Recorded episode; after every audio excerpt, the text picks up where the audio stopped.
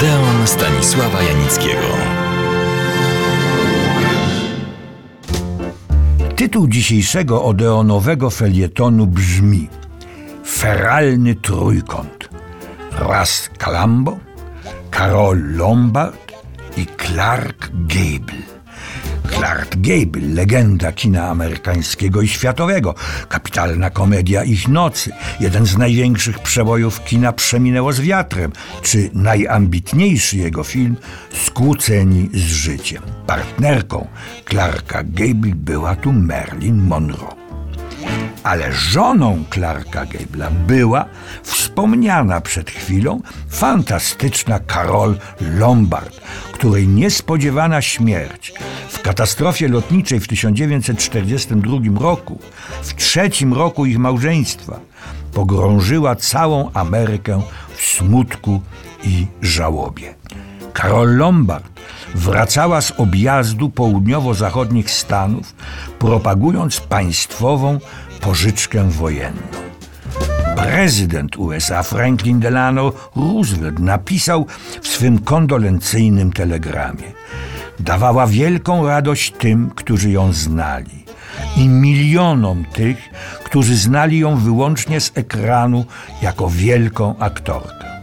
Bezinteresownie poświęciła swój czas i talent rządowi w czasie pokoju i w czasie wojny.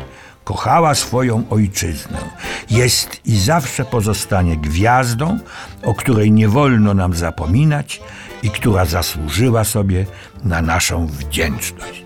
No, tak na marginesie, mało jest aktorek, o których prezydent Stanów Zjednoczonych tak by mówił. Ale co tu w tym towarzystwie robi ów Ras Calambo? Kto to w ogóle był?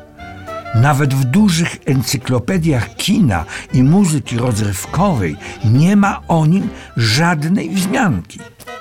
Więc, żeby się dowiedzieć czegoś, trzeba szperać tu i ówdzie, z internetem oczywiście włącznie, i sprawa powoli zaczyna się wyjaśniać.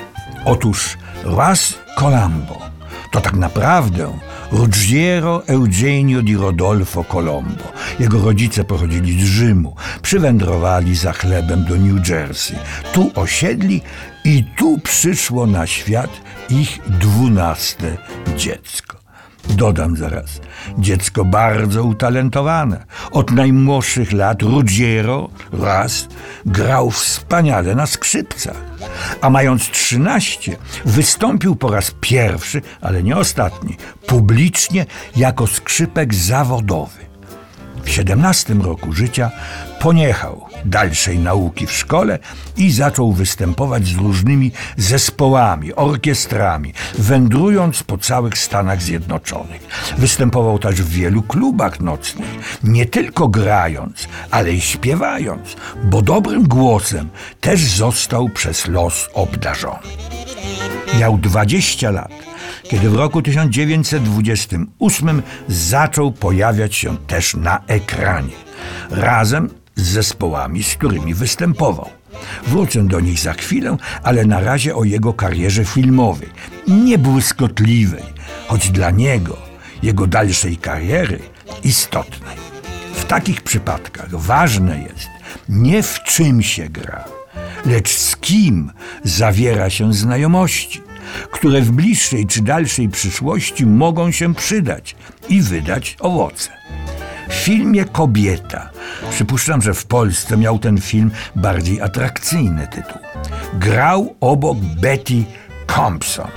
To była jedna z najbardziej wziętych, popularnych gwiazd hollywoodzkich lat dwudziestych. Wystarczy, jeśli powiem, że zagrała świetnie główne role w dwóch znakomitych filmach: Toda Browninga Wielkie Miasto i mistrza Josepha von Sternberga Doki Nowego Jorku, który zapoczątkował nowy gatunek film gangsterski. Miała trzech mężów, ale to sobie na razie daruję. Nasz bohater, Ras Colombo, grał również z Lub Weles. Dzisiaj nikt jej już nie pamięta. Grał w takim filmie jak Pieśń Wilka. Popularna aktorka, która wiodła życie bardzo burzliwe, a zakończyła je zaplanowanym, widowiskowym samobójstwem, zażywając nadmierną ilość pigułek nasennych w pokoju udekorowanym kwiatami, po uprzedniej wizycie fryzjera i charakteryzatora.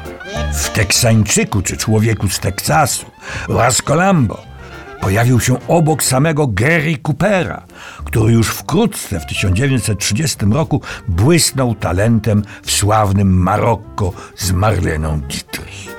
Jednocześnie trwała, rosnąca kariera Ras Colombo jako piosenkarza. Sławę zdobył on ciepłym, romantycznym głosem, podobnym do głosu Binga Crosby. Kalamba był też utalentowanym kompozytorem. Do jego najsławniejszych piosenek należą Niewolnik Miłości, Nazywasz to szaleństwem, a ja miłością? Zbyt piękne, żeby o tym mówić, kiedy kochasz, czy załóżmy, że to świeci księżyc. Melodia niewolnika miłości stała się standardem wykonywanym często przez amerykańskich piosenkarzy, między innymi przez Franka Sinatrę. I wszystko toczyło się wspaniale. Do 2 września 1934 roku. Ale o tym, co się wtedy stało, opowiem Państwu za tydzień. Serdecznie zapraszam do Odeonu.